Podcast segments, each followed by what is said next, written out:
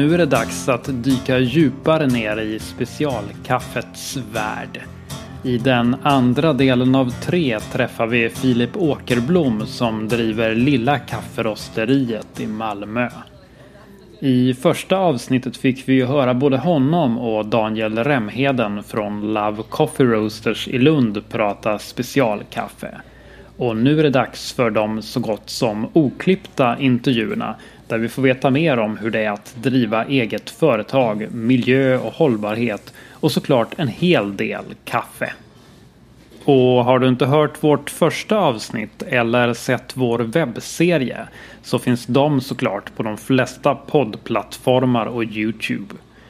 Men i det här avsnittet träffar vi alltså Filip i Malmö och nästa gång kommer vi tillbaka till Daniel i Lund. Lilla kafferosteriet började som ett café inne i centrala Malmö och har sedan dess vuxit till ett riktigt rosteri i stadsdelen Kirseberg. Jag började med att fråga Filip hur det kom sig att han började rosta kaffe i större skala. För det, är liksom, det blir en, eh, en effekt att börja servera någonting och sen så använda vårt kulturarv med påtår att kunna presentera olika typer av kaffen och inte bara ett kaffe. Så gör det att du liksom blir att du hittar folks olika preferenser. Istället bara för att ha ett kaffe som ska passa många. Ja, det hade vi 12 olika sorters kaffen. Och så kunde man prova olika med påtår. Eh, då blev det så att fler och fler hittade sina favoriter. Och det slutade med att restauranger och så började köpa kaffe från kaféet. Och på den viset så har det skalats upp till att nu bli eh, så, vad ska man säga, två verksamheter. Så nu har vi liksom ett, ett rosteri med café i och ett, kaf, alltså ett café som är liksom ett sensoriskt center för smaker. Där vi jobbar med alla typer av smakkombinationer liksom i kaffe. Så att det är lite där som den utvecklingskurvan. Var kom då kaffeintresset för dig? Vad, vad var det som lockade dig till att ja, det är kaffe jag ska jobba med? Jag är gammal naturvetare så jag tror det här med spårbarhet. Att varför saker och ting smakar på ett visst sätt. Att man vill söka svar. Varför har vi inte liksom druckit som sagt, bättre kaffe tidigare? Att man vill liksom hitta svaret på någonting. Eh, då blir det att hela tiden gå ett steg tillbaka i kedjan. Uh, och det var lite det när jag såg att vi drack varumärken. Alltså man köper en lila förpackning eller en röd förpackning eller en grön förpackning och inte tänker på vad det är man köper. Eller det kan också vara så här sociala trygghetsmärken att man går och köper fair trade eller ekologiskt. Men man skiter i vad det smakar men man vet att ja, men jag har köpt en bra produkt. Men det kanske inte är så gott och då häller man mjölk och socker i det för att liksom balansera ut det. Men man känner sig trygg för att jag har köpt någonting som är bra i mitt samvete. Och den saken irriterade mig, att det, för det är ett så stort hantverk. Så jag ville liksom lyfta upp eh, alla som har jobbat med det här. Processen bakom. Så jag tror den där okunskapen skapade ett intresse och nyfikenhet. Att vilja missionera om att göra den här produkten, eh, ska man säga, mer eh, intressant och eh, få folk att engagera sig och välja, göra ett val när man köper kaffe. Liksom. Istället för bara att köpa ett varumärke. Hur går du tillväga för att missionera då som du säger? Vad, vad är bästa sättet för att nå fram till folk? Um, jag tror det är att prata med personer, alltså att inte vara någon översittare. Att inte, alltså kaffe är en så folklig dryck i Sverige. Och att alla kan få dricka kaffe som de vill. Utan det handlar om kvaliteten på kaffet och inte hur man dricker. Så om du vill ha mjölk i, då ska man hitta ett kaffe som funkar med mjölk. Och likadant så att vill du liksom göra en alltså espresso med, med, eh, med mjölk i, alltså en cappuccino eller så. Att man också använder rätt kaffe för att har du för ljust kaffe så skär kaffet sig med mjölken.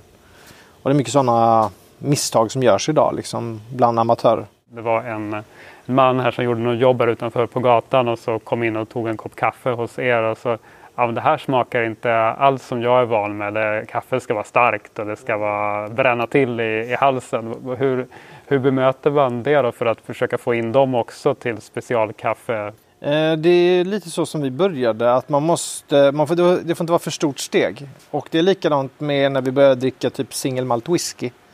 Att dricker du en single origin, alltså eller vad ska man säga, ett ursprungskaffe där det är en art från ett plantage.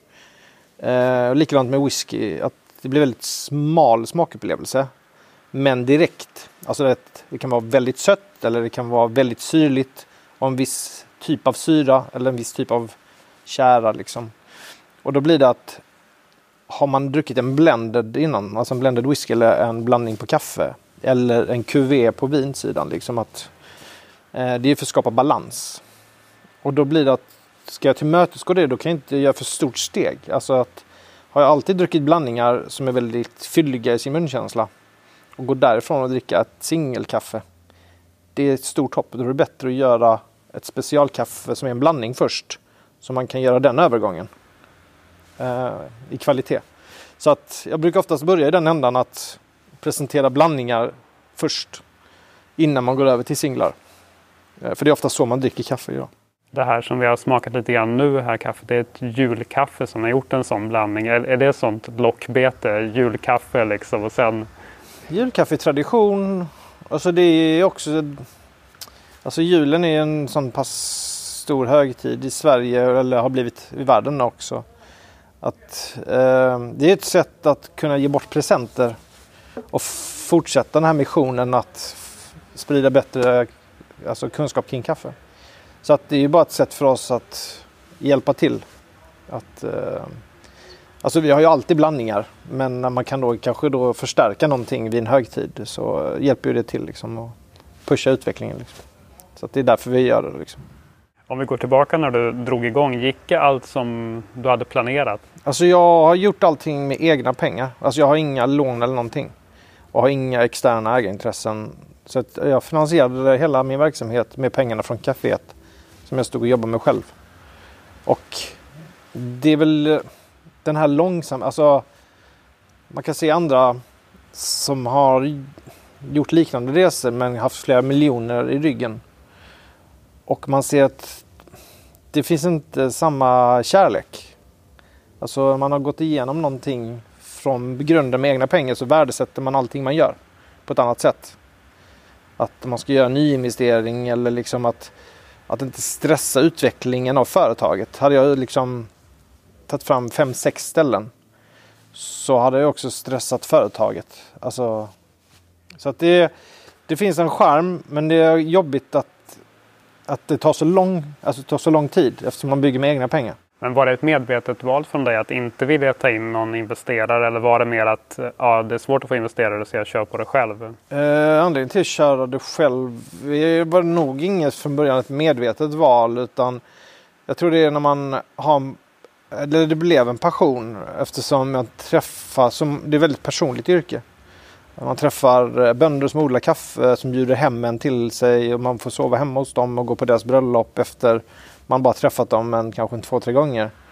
Ehm, ehm, så att jag, jag blev nog väldigt kär i själva eh, branschen, i sättet att umgås. Att det inte bara är affärer liksom. Att nu ska jag handla kaffe av dig eller så. Att det blir en eh, mer relationsinriktad verksamhet. Och det var väl det som gjorde att, att jag fastnade för det. Att inte kanske ta in externa ägare bara för att generera pengar. Utan det här var kul att jobba med. Att man får ut och resa och se andra kulturer. och eh, Både hur man dricker kaffe i andra länder men också hur man odlar. Så det är liksom två... Som kafferostare så ser du ju två sidor hur man konsumerar det och hur man odlar och producerar det. Liksom. Så att det är två världar som är fantastiska. När du började, hur fick du kontakt med de här kaffebönderna? Det är oftast kontakter, alltså som i mitt fall när jag började jobba med kafferostar så var det många, vissa bönder som vill rosta kaffe själva. Så jag fick lite kontakter den vägen genom leverantör, alltså de som tillverkade kafferostarna. Men sen så blev jag inbjuden att sitta med i jury och bedöma årets plantage. Och det gjorde jag i från 2006 till 2009. Då reste jag runt till många ursprungsländer och satt som domare för att bedöma årets plantage. Och då träffar man väldigt bra producenter. Så mycket där har jag fått. Och ibland är det rekommendationer från andra rosterier som har varit i vissa länder som jag inte själv varit i. Och så bara, ja ah, men du, det här är jättebra producent. Och så får man kontakter via kollegor. Liksom. Så brukar det oftast funka. När, när, du, eh, när du drog igång då, du hade varit igång ett tag. Var det någon stor utmaning som du var tvungen att komma över? Var, var det något så hinder på vägen? Eh, hinder är ju nog kunskapen. Alltså sättet och vårt förhållningssätt även idag, vår syn på kaffe. Det är nog det första hindret att varför ska jag betala mer för en bättre produkt? Att eh, de här typen av specialkaffen är ju liksom bönderna får ju kanske fyra, fem gånger mer än om de hade gjort fair trade av det. Liksom. Och att förklara det för konsumenter är väldigt svårt. För att de tittar oftast på pris eh, innan de tittar på vad det smakar. Liksom. Och det är en läroprocess att man måste träna tungan för bra saker. Liksom. Att, då kan man också sätta det i relation till vad man har druckit innan. Så den, den där kunskapströskeln är nog här, alltid ett, ett hinder eh, som jag grämer mig. Som jag pratar hela tiden med mina kollegor om. Hur ska vi få folk att intressera sig för kaffe? För det har varit ett stort intresse för vin och öl. Och, men det är färdiga produkter. Så du köper en färdig konsumtionsvara. Kaffe är någonting du tillverkar själv. Så det kan bli så många fel. Så att om du köper en bra produkt så kan du fortfarande ha, så förstöra smakerna. Liksom. Och det är lite där vi känner att det är sån osäkerhet kring eh, hur du ska tillverka kaffe. det där är, där är en tröskel som alltid, jag alltid kommer leva med. Som jag inte vet hur jag ska hantera. Eh, men annars rent för verksamhetsmässigt så är det ju, vad ska man säga, Ja, nej, jag skulle nog säga att man alltid stöter på okunskap kring produkten. Att folk har förutbestämda meningar kring hur man vill ha sitt kaffe eller vad kaffe är för någonting. Man har svårt att ta in nya intryck. Även om jag har mycket kunskap bakom mig och liksom skrivit reglerna till världsmästerskapen i kafferostning så blir man ändå så här, ja men jag vill ha mitt kaffe på mitt sätt liksom. Och så tänker man inte på utan man har blivit så här lite hjärntvättad. Att nej men det är det kaffet och det är så många mått, strykna mått jag ska ha. Så man, man slutar lyssna på allt annat. För att man har hittat sitt sätt. Ungefär som att man ska köpa samma pizza hela tiden för att man, det är den pizzan, ingen annan som är god. ja, det är lite lustigt. Det är nog det största hindret. Liksom, så. Ni har ju börjat uh, leverera kaffe till Coop nu. Ja, precis. Uh, hur, hur gör ni där för att få folk att uh, ta eran påse istället för de här lila eller röda eller gröna eller svarta påsarna. Hur, hur, hur, hur styr ni dem dit och hur ska de upptäcka ert kaffe i butikshyllorna? Eh, det är första gången som man då liksom, eller har tagit in specialkaffe i dagligvaruhandeln. Innan har det varit här butiksförsäljning att ett rosteri har sålt till ICA eller Coop-butiken som ligger runt hörnet. Eller framförallt ICA-butiken för kooperativen styrs ju, eller Coop styrs ju centralt. Medan ICA styrs av ICA-handlarna. Så att Eh, för mig var det väldigt enkelt att jobba med ICA. För att där kunde jag jobba själv med varje butik och så. Eh, och profilera specialkaffe så som jag ville att det skulle göras. Men på Coop är det lite svårare för att där måste man jobba centralt. Och då handlar det om att rama in det. Så att för mig är det en utmaning att få en, en folklig dryck att kännas både hantverksmässig och exklusiv. Så det är ju att jobba med, med att skapa ett varumärke som gör att det känns lyxigt men ändå att du har råd med det. Liksom. Uh, så att det är mycket för inramningen i butiken liksom, som vi jobbar med. Så att det är ett, ja, vi har precis börjat leverera kaffe till Coop så att uh, det här konceptet ska vara klart 7 november. Så vi har eh, ett pågående projekt med hur man ska förmedla fram hantverket i butiken. Liksom. Eh, så det är, jag tror, där är ett steg att lyckas först. För det är som du säger en väldigt hög kostnad Eh, om man tittar på förpackningen. Men om du tittar på vad det kostar och liksom för en kopp kaffe så kanske det är att det kostar dig eh, att dricka en kopp vanligt kaffe. Säg att det kostar 50 öre för en kopp. Och så helt plötsligt kostar det en krona för en kopp. Så att det är ju fortfarande väldigt låg produkt, alltså priset på en kopp kaffe är väldigt låg. Så att det är väl lite det synsättet man ska ändra på. Att passa på att njuta av koppen liksom. Eh, och att man köper lite ofta istället för att köpa mycket. Det där liksom, kaffe är en färskvara. Så det synsättet tror jag är viktigt att förstå sig på. Att hur jag ska konsumera kaffe. Att istället för att köpa liksom två halvkilon så köper man 250 gram en gång i veckan. Och så kommer du få mycket bättre smakupplevelse. Och 69 kronor för 250 gram är ändå liksom ett relativt lågt pris för att få bra kvalitet. Liksom. Så att vi har testkört det nu i två år och tycker hittat liksom en bra modell där bonden får sitt pris, alltså han får betalt för sitt kaffe och vi får betalt för att rosta det. Och butikerna får betalt för att kunna liksom leverera och distribuera. Så att eh, jag tycker vi har hittat en bra modell. Liksom. Vad, vad har varit mest överraskande under resans gång sen, sen du drog igång eh, från det första du drog igång kaféet och sen rosteri? Vad, vad är det som ja men det här hade jag inte alls räknat med att det skulle gå så här. Alltså gå bra eller dåligt? Ja, bra eller dåligt? um, oj, oj, oj. Alltså jag har ju levt med... Uh, så frustrationen är nog... Vad ska man säga? Alla de här arbetsvillkoren som staten sätter på anställda. Alltså från början hade vi så här för mycket av eh, pengarna jag tjänade var på kaféet som jag investerade i mitt rosteri. Liksom. Och den verksamheten, att ha en, ett café som finansiär har också stora påfrestningar. Dels av hög personalomsättning eh, men också Eh, kostnaderna som staten då, att från början hade vi 25% moms på kaféerna. Och höga arbetsgivaravgifter och så. Liksom. Och nu har, sen så sänkte de till 12 och sänkte också på vad ska säga, ungdomar. Eftersom det är mycket ungdomar som jobbar i kafébranschen så fick du lägre arbetsgivaravgifter. Och då helt plötsligt såg vi att det gick att få en lönsamhet i kaféet. Och så, det där med liksom att hur mycket personal, hur mycket det påverkar personalkostnader påverkar ens verksamhet. Det var jag nog inte beredd på att det skulle vara så tydligt. För det är väldigt stor, alltså stor, eh, stor skillnad i verksamheten. Liksom. Ehm, det är nog först, det var så här eh, påfrestande.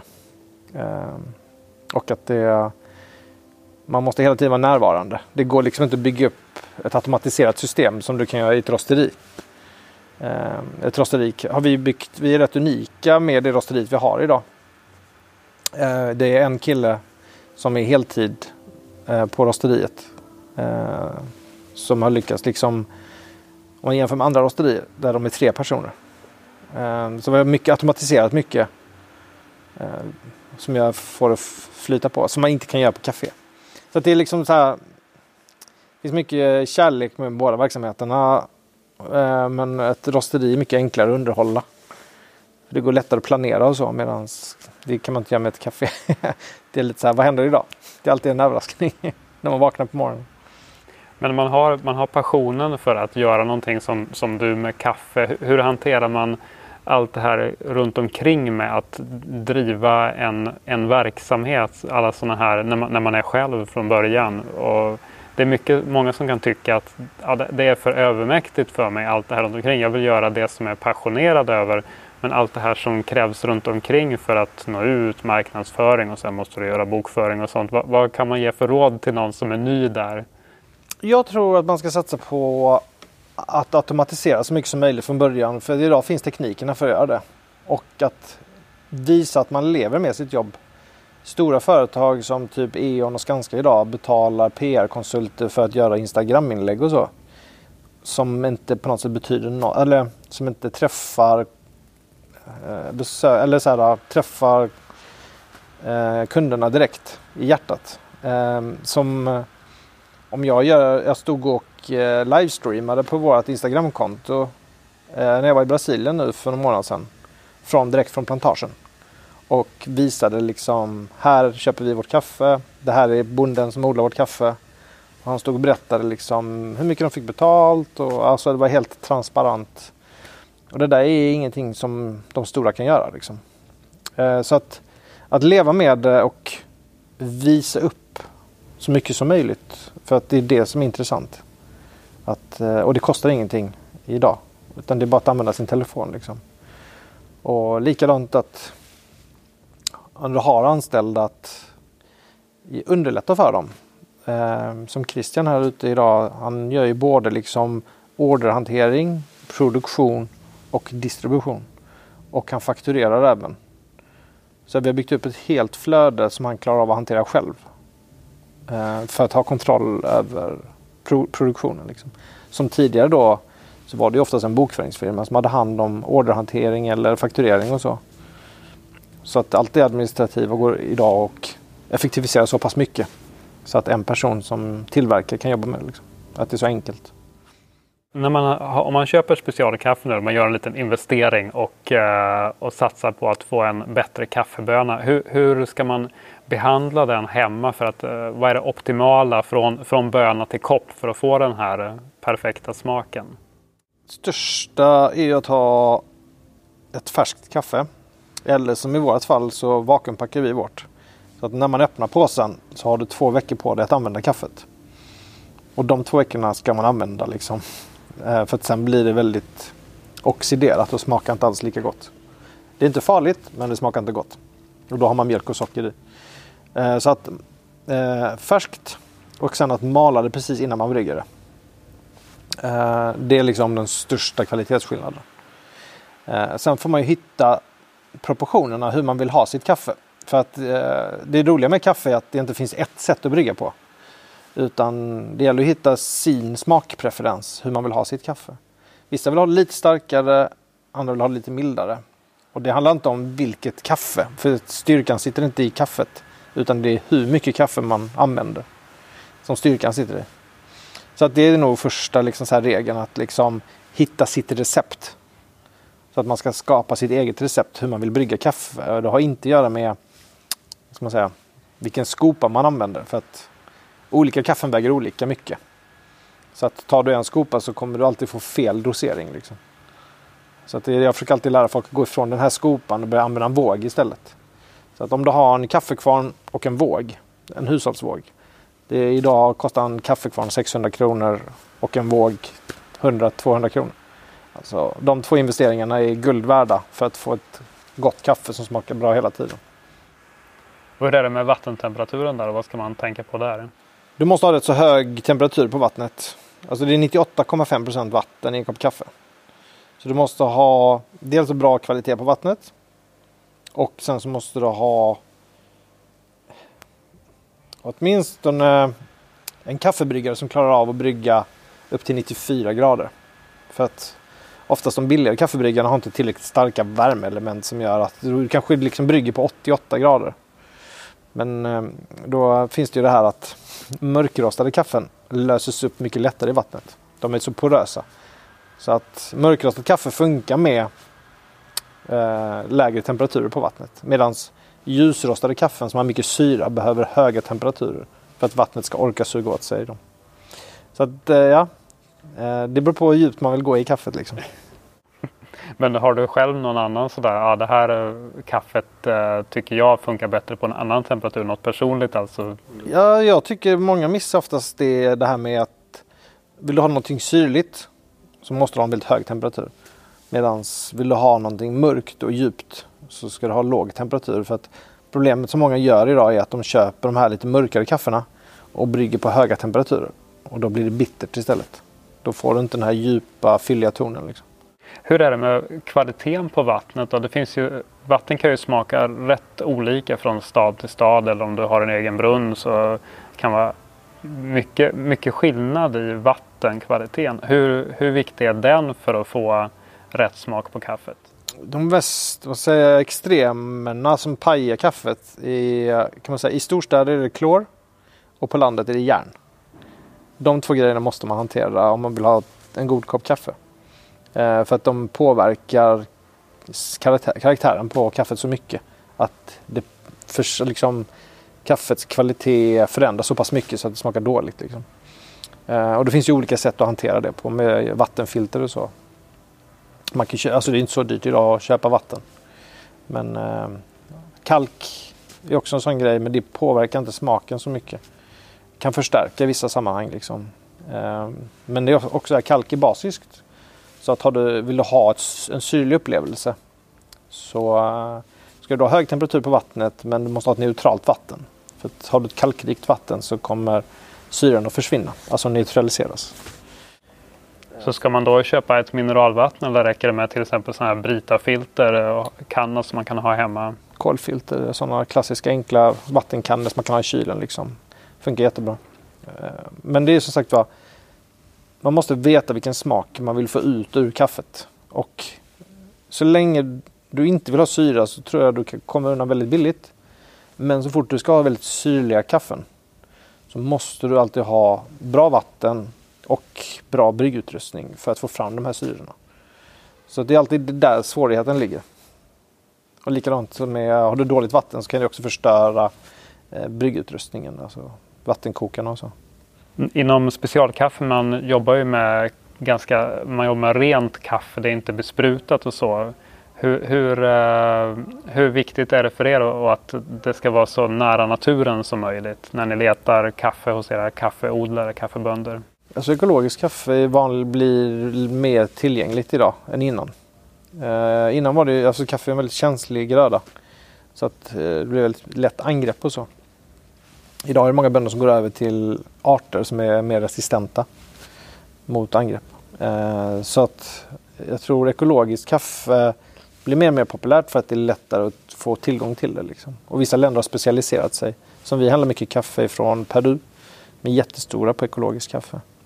Eh, Mexiko och Bolivia också är jättestora på ekologiskt kaffe. Så att man ska ju på något sätt hitta producenter som är duktiga på att odla ekologiskt. För att det är ingen idé att köpa ekologiskt och så, så är det dålig produkt. För det är inte specialkaffe. Det är bara ekologiskt kaffe. Så att det viktigaste i specialkaffe är att först kolla på kvaliteten. Och sen så titta på hur är det här producerat? Alltså för att du kan producera idag med vissa kemikalier som inte är så farliga. Som inte kommer in i själva kärnan. Och sen finns det de som är som de använder på industriplantagen. Som typ dödar allting. Eh, och det är ju oftast där som man skickar på analys. Alltså så här stora industrirosterier som måste skicka in kaffet för att få det analyserat. Hur mycket gift som är i kaffet. Så att jag tycker man ska titta på det ur kvalitet kan vara bra ut. Eh, eh det, man skriver mycket om två här, saker som är farliga med kaffe. Det är, det är, inte så mycket bekämpningsmedel men det är okratoxiner och akrylamid. Okratoxinerna är så här mögelsporer som eh, oftast finns i dåligt kaffe för att man inte har torkat det på rätt sätt. Så specialkaffe har inte så mycket okratoxiner, eller nästan inga alls. Eh, Medan dåligt kaffe, andra och tredjehandssorteringar av kaffe kan ha mycket ochratoxiner i sig. Och då går det inte att få bort. Och de här är ju cancerogena de här. Så att det är oftast farligt mer än att det är alltså bekämpningsmedel.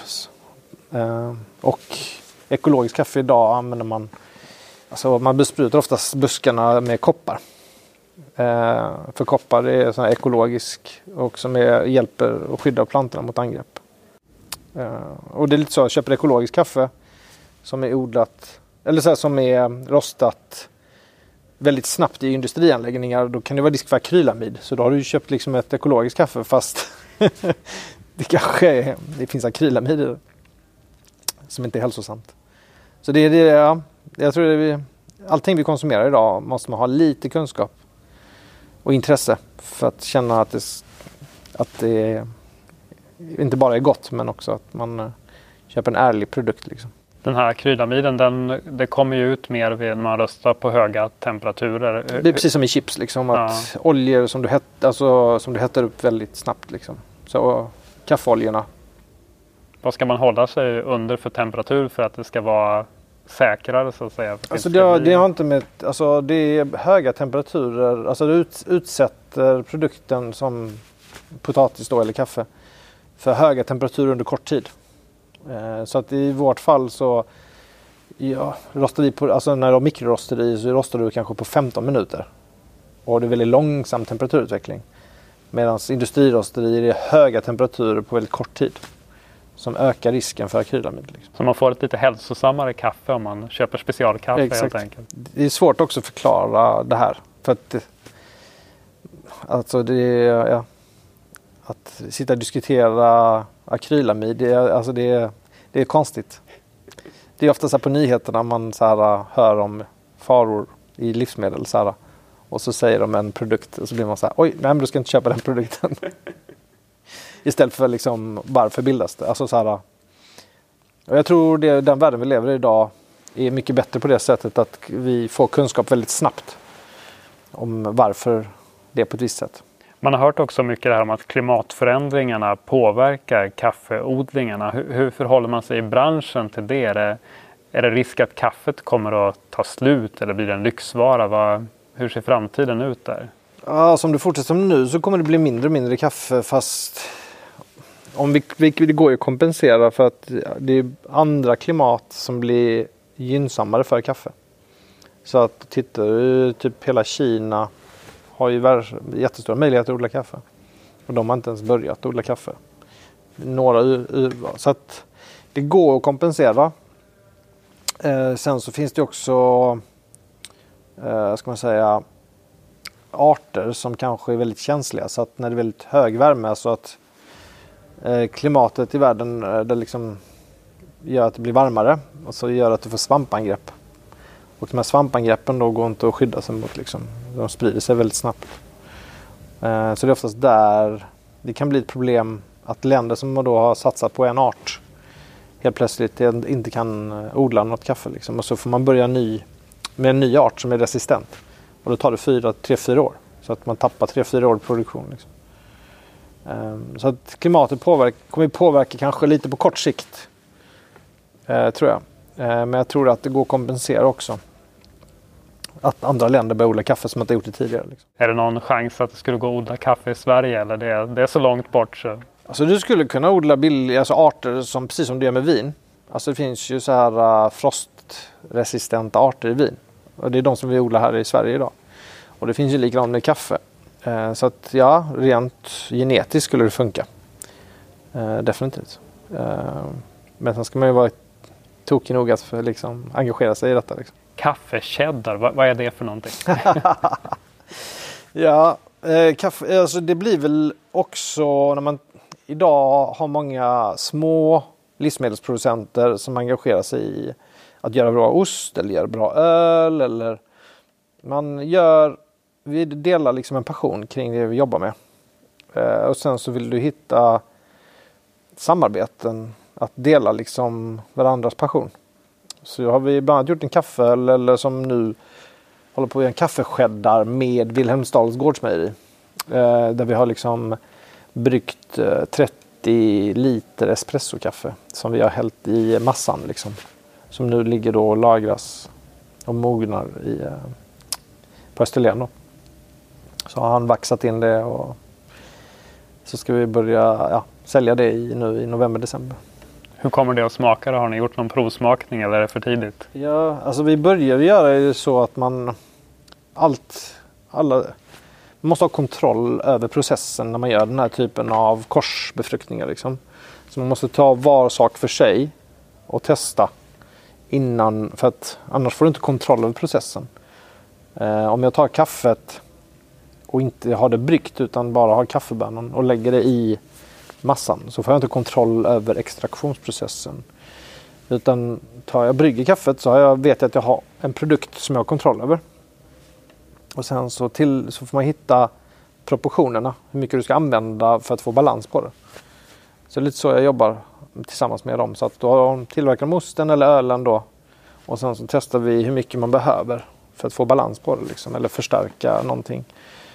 Så för mig är det eh, kul att liksom jag har med min expertis säkerställer kvaliteten på kaffet Och sen så försöker man hitta någonstans tillsammans vad man tycker.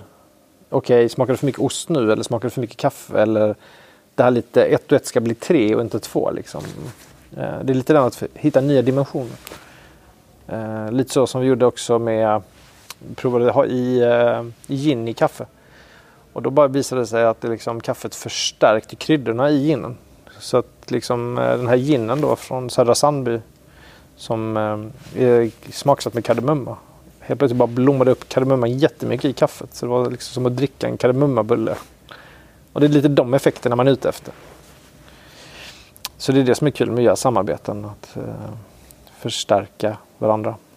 Jag måste bara fråga, 30 liter espresso, hur, hur, hur brygger man det? Det kan man inte stå och göra i en espressomaskin, man kan det. Yes. Dum nog. Men, eh, jo, nej, men det gjorde jag. Eh, det är väl lite där för att också säkerställa liksom att, eh, att det blir rätt. eh, men det tog, en, det tog några timmar. Så det är att ladda varje handtag och sen ett nytt och sen ett nytt? Och... Ja, det blir ju typ en eh, 6-8 centiliter per shot i en dubbel espresso. Liksom. Så att, eh, ja, det var många centiliter espresso som gick in i den dunken. Eh, vad har du själv för favoritbönor om du ska göra kaffe till dig själv? Jag dricker kaffe utifrån situation. Alltså så beroende på hur min känsla min tunga är. Eh, så på morgonen dricker jag oftast lite lättare kaffen. Och sen så nu på eftermiddagen så dricker jag oftast lite kraftigare kaffen. För att om man ätit så mycket på dagen, eller liksom både frukost och lunch och kanske tagit någon eftermiddagsfika. Så tungan är väldigt kanske så ja, utmattad. Eller, så att man behöver någonting för att få den att vakna till. Liksom. Eh, så det är rätt kul att liksom dricka kaffen, olika kaffen beroende på vilket humör man är på. Så att eh, jag tycker det är det viktigaste att hitta variationer av kaffe och inte bara dricka samma sak hela tiden. För det, det handlar om att göra det intressant för tungan. Liksom. Hur många koppar blir det på en genomsnittlig dag för dig? Idag är jag uppe på fyra koppar och snittet i Sverige ligger ju på 3,7. Så att man ligger, ja, jag skulle säga att jag dricker lika mycket som snittet i Sverige. Vad är bästa sättet att dricka kaffet på då? Vilka bryggmetoder skulle du föredra? Alltså det går att framhäva vissa kaffen bättre med vissa bryggmetoder. Som soltorkade kaffen som har torkat med skalkontakt har ju oftast en kraftigare struktur och karaktär. Liksom. Lång eftersmak.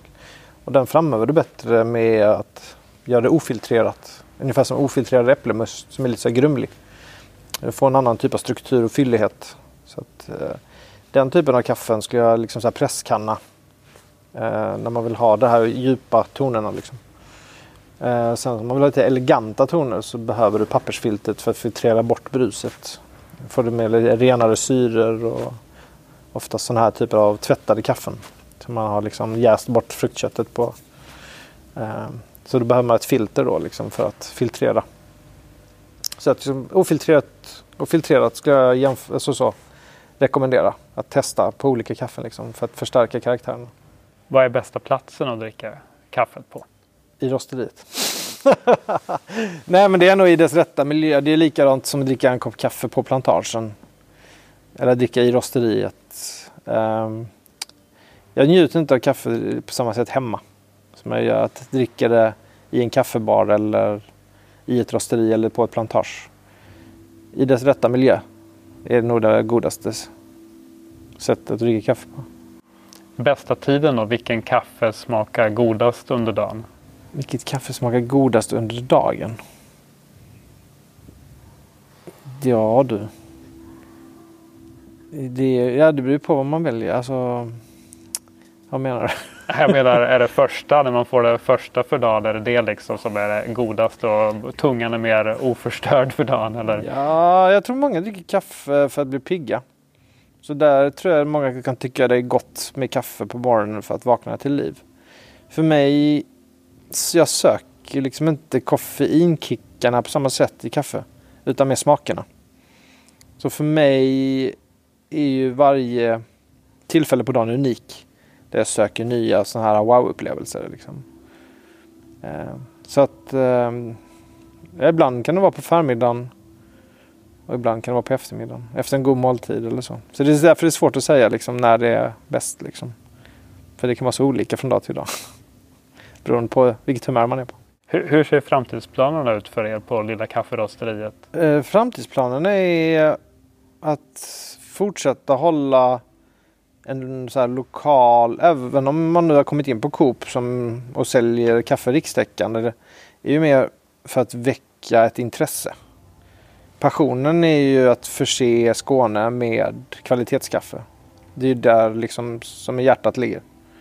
Och utöver det så det kommer inte hända liksom. Alltså så. Det kommer finnas i övriga Sverige. Men jag kommer inte lägga någon energi på det. Eh, för att det är inte där mitt hjärta ligger liksom. Eh, hjärtat ligger i specialkaffe och rostning eh, och kunna förse Skåne med, med bra kaffe. Liksom. Blir det fler kaféer för skåningarna då eller är ni nöjda med att ni finns där ni finns nu? Jag saknar lite att det som jag gjorde från början, att jag hade rosteriet i kaféet. Så jag kommer öppna ett ställe till för att ta tillbaka det.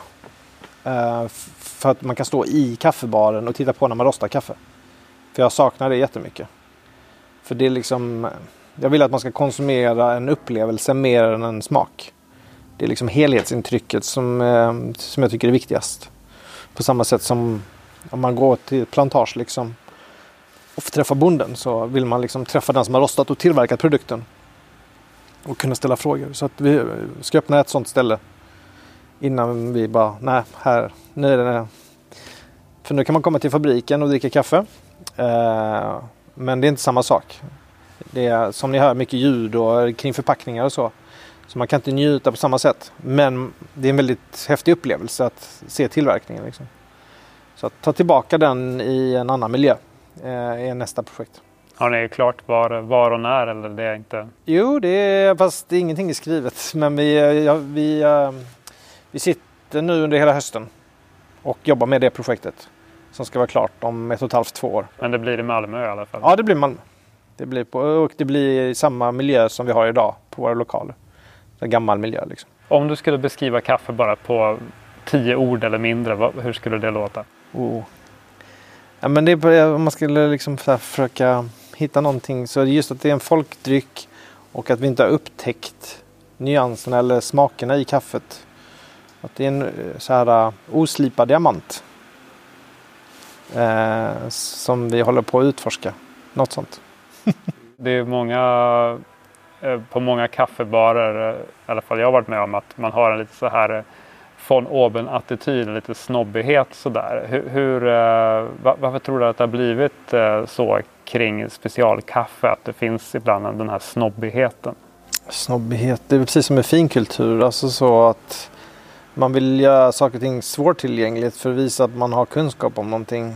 Men problemet är att man tappar ju oftast intresset då. Att om det är svårtillgängligt. Alltså saker och ting om man vill förändra, förändra något, ett konsumtionsmönster eller något, ett synsätt så det, måste det vara lättillgängligt. Så att jag märker mycket det i, eh, ja, bland kollegorna i branschen i London och Berlin och så. Att det står helt stilla. För att det är liksom, de har inte lyckats nå ut till folket utan det är egentligen bara till den här lilla klicken. Så att när de har fått sitt behov täckt så finns det ingenting mer att göra. Liksom, för att alla går, går runt till varandra. Så står utvecklingen stilla. Medan folket dricker kommersiellt kaffe fortfarande. Så det är verkligen så att två olika världar som inte har mötts. Så att den där snobbismen, eh, den bidrar inte till någonting. Liksom. Det är oftast en liten så här, sluten grupp. Det, man måste få ut kunskapen till eh, för att annars blir det, alltså om man tittar på vinsidan, att eh, om inte vinet hade kommit ut till folket så hade vi druckit rött och vitt vin. Medan idag så pratar vi vilka druvor vi gillar och vilka, om vi vill ha sådana här naturviner med skalkontakt. Alltså hela intresset, det handlar om att liksom göra det tillgängligt. Och det är därför jag satsar på Coop, liksom för att göra specialkaffe tillgängligt till folket. Liksom. När är man där då? Tror du att det är folkligt och vanligt? Och... Så länge, ja, om det finns fler producenter. Alltså ett litet rosteri som jag kan inte förse liksom svenska befolkningen med specialkaffe. Det har jag inte intresse av liksom, utan det handlar om att skapa en reaktion. Så att jag hoppas att fler liksom kan göra det här. Um, så att ju fler som engagerar sig, ju mer lättillgängligt blir det. Idag kan du bara handla det i kaffebarer och på nätet. Liksom. Eh, idag handlar ju många, exempelvis om du ska ha finkaffe till helgen så går du oftast till din matbutik och handlar kött och fisk och grönsaker. Och så har du bara industrikaffe att välja på. Och det dyra kaffet i butiken idag är typ espressokaffe från Italien. Som du betalar jättemycket pengar för som oftast är dålig kvalitet. Men det är det som är dyrt kaffe. Liksom. Så att, eh, jag tror det kommer hända på inom en eh, tre, fyra år. Så kommer det finnas mer bra kaffen att tillgå. Liksom. Hur ser du på det här att de stora kafferosterierna också försöker att komma in på det här lite? Jag ser att Löfbergs Vila har någon ny linje som de, jag vet inte exakt vad de kallar det, men där de försöker med sånt. Vad, vad, tror du, kommer det att bli något som de satsar på mer, stora rosterier? Problemet är att de, de försöker ju, men det är att, att få något storskaligt och se småskaligt ut. Jag tror att konsumenterna ser igenom det. Att det är rätt svårt eh, att komma dit. Eh, för industri är en sak. Storskalighet har en symbol, symbolik med, vad ska man säga, Alltså det är lite så här om du skulle se delikat och göra handgjorda chokladbollar istället för de här som de Alltså det skulle fortfarande vara delicato. Så att jag har svårt att se liksom de här alltså, industrirosterierna, att deras varumärken skulle framhäva kvalitet. Liksom. Även om de köper in bra råvaror så tror jag förknippar man varumärket fortfarande så starkt med industri. Liksom. Uh, jag, nej, jag tror inte... Plus att de leker för mycket med priserna. Men tror du det är något som är bra för er specialrosterier? Att, att de gör det också, att folk får upp ögonen för det kanske genom deras marknadsföringsmaskiner? Inte som de gör idag, för de använder fel metod. De använder engelska uttryck istället för att hitta svenska uttryck. Och, ja, de hade nog behövt göra som ölleverantörerna gör. Att eh, Spendrup de går in och engagerar sig i små bryggerier för att hjälpa dem att bli bättre och komma ut mer Eh, den typen hade nog fungerat. Eh, men inte som de gör idag, liksom att skapa egna eh, vad heter det, mm, förpackningar liksom, som ska då efterlikna kvalitet. Liksom. Det kommer, konsumenten kommer bara se att nu, varför ska jag köpa en kommersiell produkt till ett dyrare pris? Så kommer de se det. Så man måste liksom hitta ett nytt varumärke. Så att om de gör det så kan de kanske lyckas. Liksom. Så att jag, hade, jag hade rådgivit dem till att göra som ölbranschen. Men du, inte, du fiskar inte efter något uppköp här själv?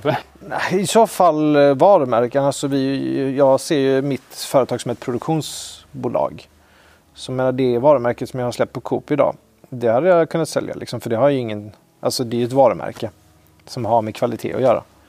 Så att självklart om någon av de stora hade velat köpa det varumärket så hade de kunnat få göra det. Liksom. Men inte själva tillverkningen. Liksom det, det är min, min fabrik.